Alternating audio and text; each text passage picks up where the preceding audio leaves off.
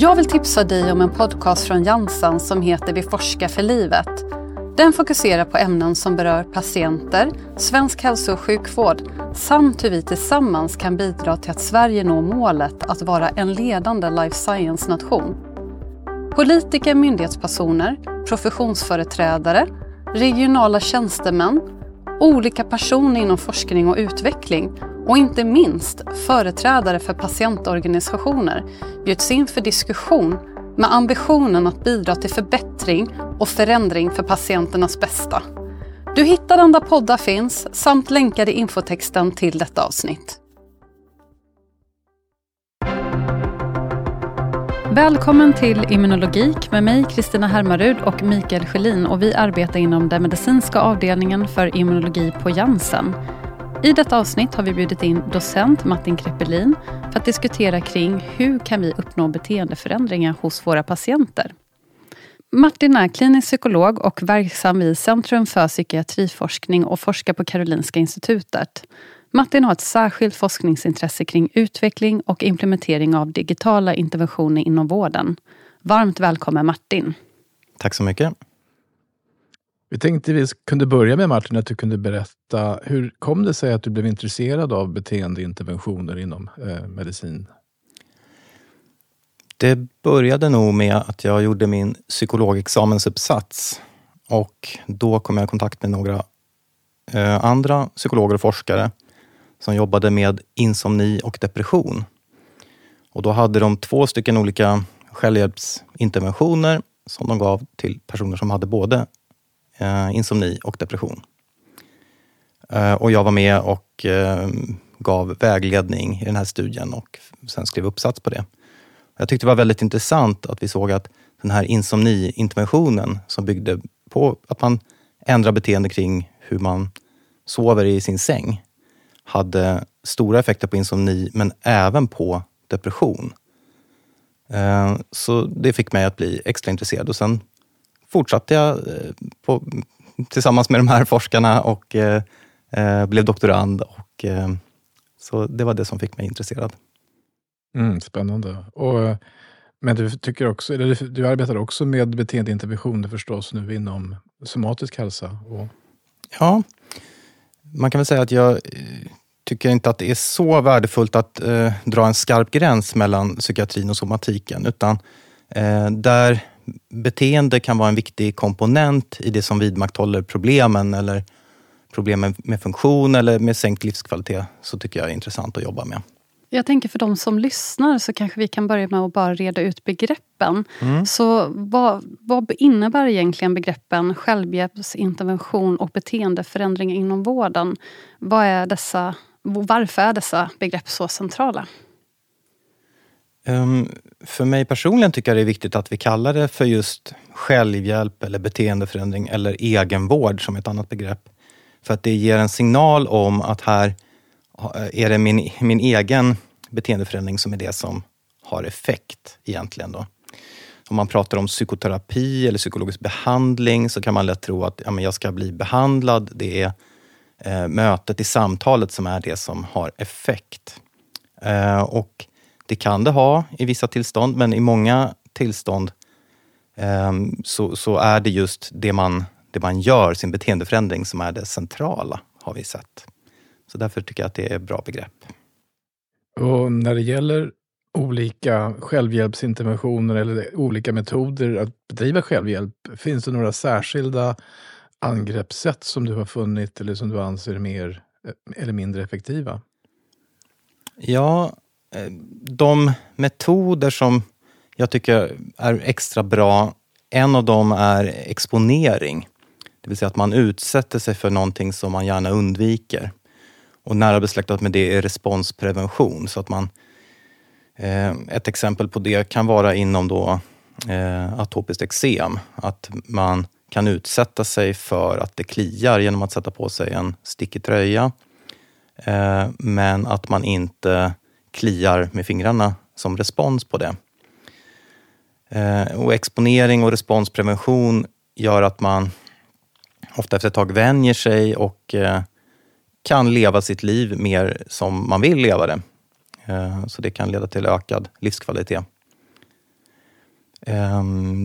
Även bara att enkla att sätta mål och att mäta sitt beteende med någon sorts dagbok och, och öka och, och utvärdera ser jag som en väldigt central komponent man kan jobba med strukturerat. Jag tänker på livsstil är ju viktigt för väldigt många medicinska och psykiatriska tillstånd, eh, de flesta kanske. Eh, det är ju någonting som vi alla kan brottas med att påverka. Mm. Eh, vad finns det där att göra inom, jag menar, kost och livsstil kan ju oftast ha stora, stor betydelse för inflammatoriska sjukdomar. Ja, eh, jag tror att, eh, att jobba med sömnen om man har sömnproblem är en väldigt viktig sak. Um, och fysisk aktivitet är också en väldigt viktig sak för de allra flesta, kan man säga. Sen börjar det bli lite mer på individnivå, att man får kartlägga vilka livsstilsfaktorer ehm, eller olika hälsobeteenden som man kan behöva jobba med. Men just de här brukar de allra flesta kunna se över just med sömn och eh, fysisk aktivitet. Just när vi är inne på fysisk aktivitet, det här med vikten, det är ett centralt begrepp som har diskuterats av många tidigare gäster i immunologik och hur man ska hjälpa sin patient med just livsstilsintervention. Har du några tips till dem hur de kan motivera sina patienter?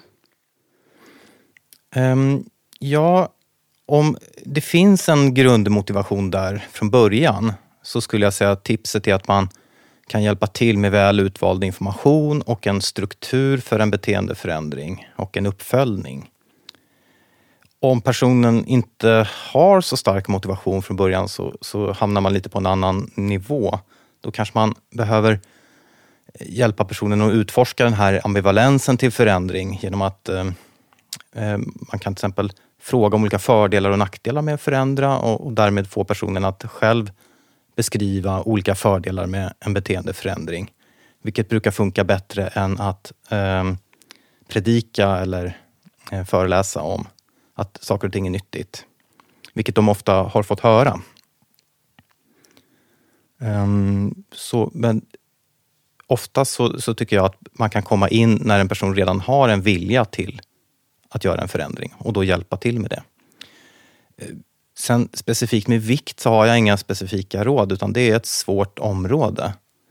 Um, så det här är mer allmänt kring beteendeförändring, kring hälsobeteenden. Just för psoriatiker mm. så finns det mycket det här med socialt stigma och social ångest. Vad finns det för hjälp att få för, för den patientpopulationen? Mm. Ehm, jag skulle säga att eh, för den gruppen så kan man arbeta med att eh, hjälpa personerna att våga utsätta sig för situationer där de riskerar att känna sig stigmatiserade. Eftersom just de eh, situationerna kanske kan vara sådana som ändå leder till positiva erfarenheter i längden. Som att till exempel om det sker undvikande kring att man aldrig går till badhuset eller Ehm, eller inte gör andra saker. Eh, kanske undviker att eh, träffa vänner eller att träffa en partner. Mm, så på det sättet kan man säga att, att hjälpa en person med psoriasis kan likna lite att hjälpa personer med social ångest på det sättet. Att det handlar mycket om exponering för situationer där man känner att man riskerar någonting. Just det där med att patienten också ska vara öppen och mottaglig. Kan vi då kanalisera in begreppet positiv psykologi som du vet också att du arbetar kring? Eh, kan det också integreras för att skapa den här långsiktiga beteendeförändringen hos patienten? Ja, eh, på ett sätt så, positiv psykologi, jag förstår det som att man jobbar med att lyfta fram styrkor och positiva saker. Till skillnad från att, att se saker som ett medicinskt problem. Och det tycker jag passar ganska bra in med det synsätt som, som vi jobbar med, som grundar sig i kognitiv beteendeterapi. Ehm, så att man för in ett positivt beteende kan vara lättare än att man försöker ta bort någonting som man ser som negativt. Jag har som exempel själv att om jag säger att jag ska äta nyttigare så är det lättare för mig att säga att ja, men jag, jag för in gröna blad till mina måltider än att jag säger det där är dålig mat, det där får jag inte äta. Så, um, så det är ju en, en form av ja, positivt, att man lyfter fram det som funkar och gör mer av det snarare än ta bort. Sen kan det finnas en fälla det här med positiv psykologi om man menar mer positivt tänkande. Lite som i kanske sån här flygplatslitteratur. Att man ska tänka positivt och då händer det bästa hela tiden. Eh, vilket ju absolut inte är sant. Så det ska man akta sig för. Men ehm, att, att fokusera på styrkor tror jag mycket på.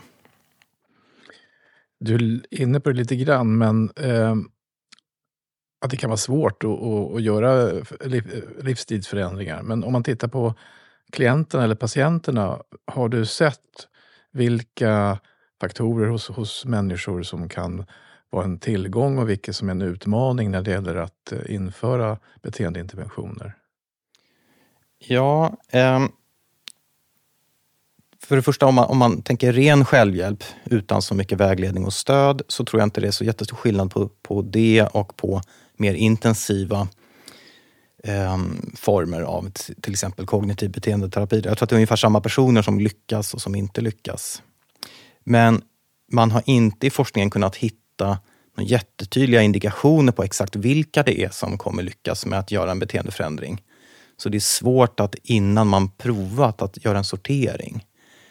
Eh, utan det jag tror är det bästa är att man skapar eh, verktyg som är lätta att ge till många. Så att man kan börja prova eh, med, på ett strukturerat sätt att närma sig de här sakerna och sen ser vilka det går bra för och vilka det går mindre bra för att fånga upp dem. Kanske är det vissa då som börjar och känner att det här är rätt för mig men jag klarar inte riktigt av det och då kanske man kan ge just dem extra stöd till det. I någon sorts adaptiv strategi. Eller om man behöver höja en vårdnivå och ge dem någonting, någonting annat. Så man gör mer en individuell anpassning och bedömning snarare än att det kan vara olika för olika patientgrupper här? Det skulle jag säga. Eh, det har varit väldigt svårt att, att hitta eh, till exempel demografiska variabler som förutspår om det kommer gå bra eller dåligt för, för en individ. Vi har i tidigare avsnitt också pratat mycket om prevention. Då är det ju främst vid behandling av immunmedierade sjukdomar till exempel. Jag är lite nyfiken på att veta om just det här med självhjälpsmetoder. Kan man även tänka förebyggande vård i det sammanhanget? Ja, det har gjorts en del forskning på det där man har eh, använt självhjälpsprogram och sen tittat på längre sikt hur det går. Det, det är svårare att göra sådana studier så det har inte gjorts lika mycket forskning men, men det, eh, det kan mycket väl fungera. Jag var inne tidigare på det här med insomni och depression till exempel. Så om man till exempel med en insomniintervention får ordning på sin sömn så har man sett att man återfaller i depression mer sällan. Vilket ju är en, en effektiv preventiv insats skulle jag säga. Om, om man lider av både insomni och depression.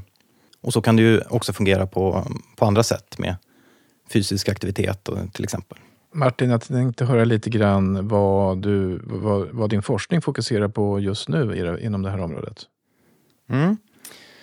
Vad gäller olika områden så håller vi på eh, dels med eh, somatiska problem såsom atopiskt eksem, psoriasis, diabetes.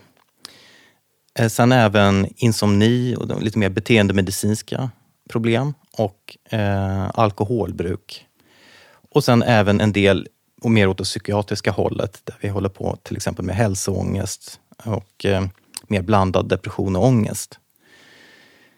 Sen är det inte nödvändigtvis att vi tittar på just det här som ett nytt område, att kan vi få en, inter, eh, en, en intervention som fungerar här, utan ofta i de här områdena som vi tittar på så finns det redan kognitiv beteendeterapi som funkar bra. Utan det vi försöker titta på är, kan man ge det här på ett sådant sätt att man ger ansvaret till stor del till patienten eller deltagaren och med ett smart utformat eh, självhjälpsmaterial få till en beteendeförändring på ett sätt som inte tar så mycket tid för en kliniker som administrerar det här. Så att det ska kunna användas inom vården på ett eh, skalbart och eh, lättillgängligt sätt. Så ett exempel på det är att vi gör en studie med ett program för att ändra alkoholvanor som består av en kort intervju innan och en kort intervju efter och sen ett självhjälpsprogram på åtta veckor. Vad händer om vi lägger till en extra telefonintervju i mitten? Vad händer om vi lägger till eh, en chatt med skriftligt stöd? Eh, använder personen det här självhjälpsmaterialet mer eller mindre? Eh, hur mycket tid tar det för kliniken att ge det här stödet? Eh, är det värt det? Och eh, kan vi få det mer effektivt på det sättet? Mm. Hur, skulle, vad, hur ser framtiden ut för det här området inom vården, skulle du säga? Hur ser visionerna ut? Jag tror att det här kommer komma mer. Eh, det,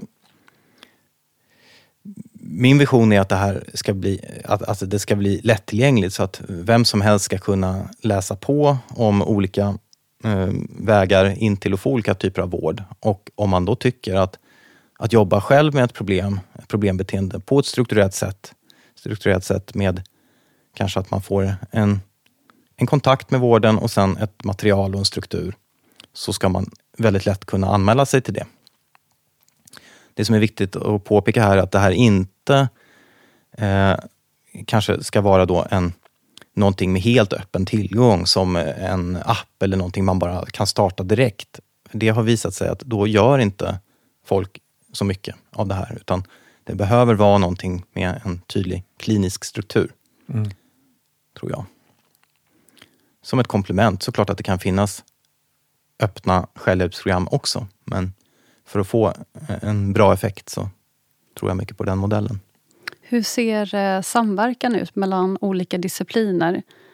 Såsom då att inom psykologi, att ni har ett samarbete med till exempel medicin och eh, teknologi i det här fallet. Eh, hur ser det ut framöver?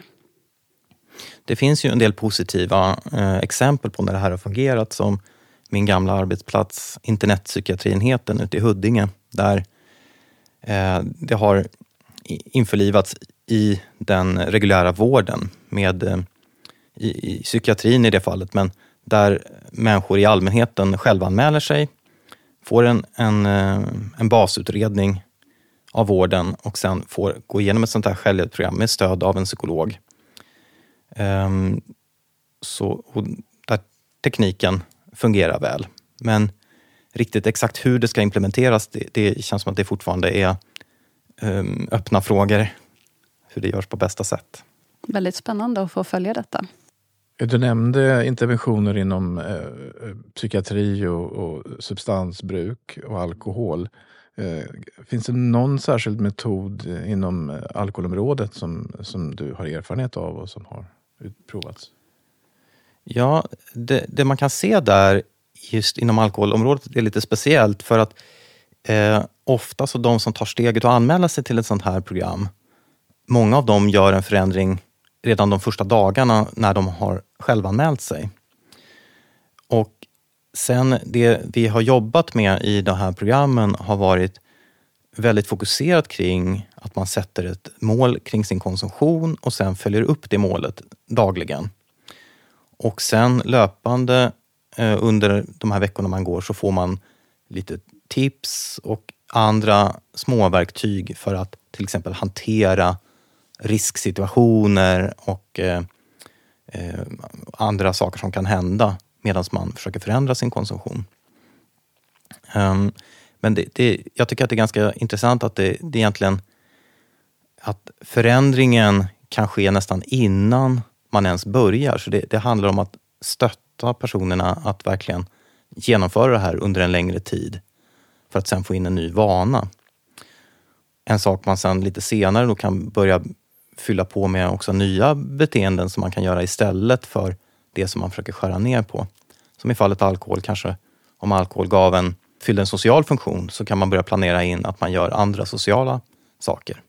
Man kan tänka sig att det här kan man sprida vidare till annat inom eh, missbruk eller, eller andra överdrivna beteenden såsom överdrivet datorspelande eller spel om pengar.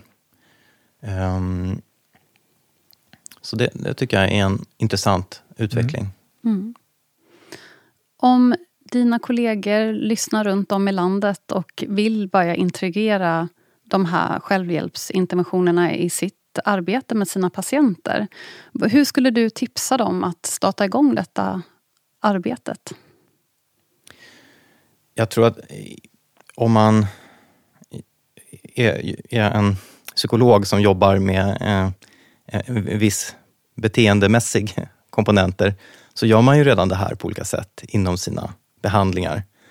Um, möjligtvis så har man inte lika strukturerat självhjälpsmaterial uh, alltid, men det, um, det går ju att uh, skapa eget material, att titta vilket material som har använts på olika sätt uh, och, och, använda i sina behandlingar.